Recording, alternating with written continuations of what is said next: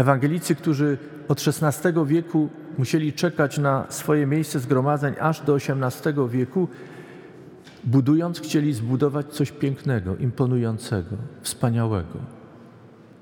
Projekt, który przygotował Szymon Bogumił Cuk, był wyjątkowy.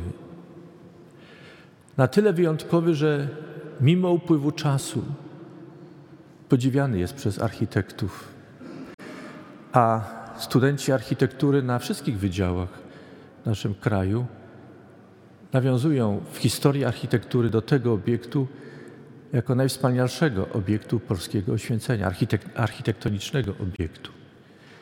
W 2017 roku historycy sztuki badali architekturę, która powstała w kręgach protestanckich w Europie. Ten kościół znalazł się na jednym z najważniejszych miejsc, a bryła kościoła znalazła się w logo całego projektu.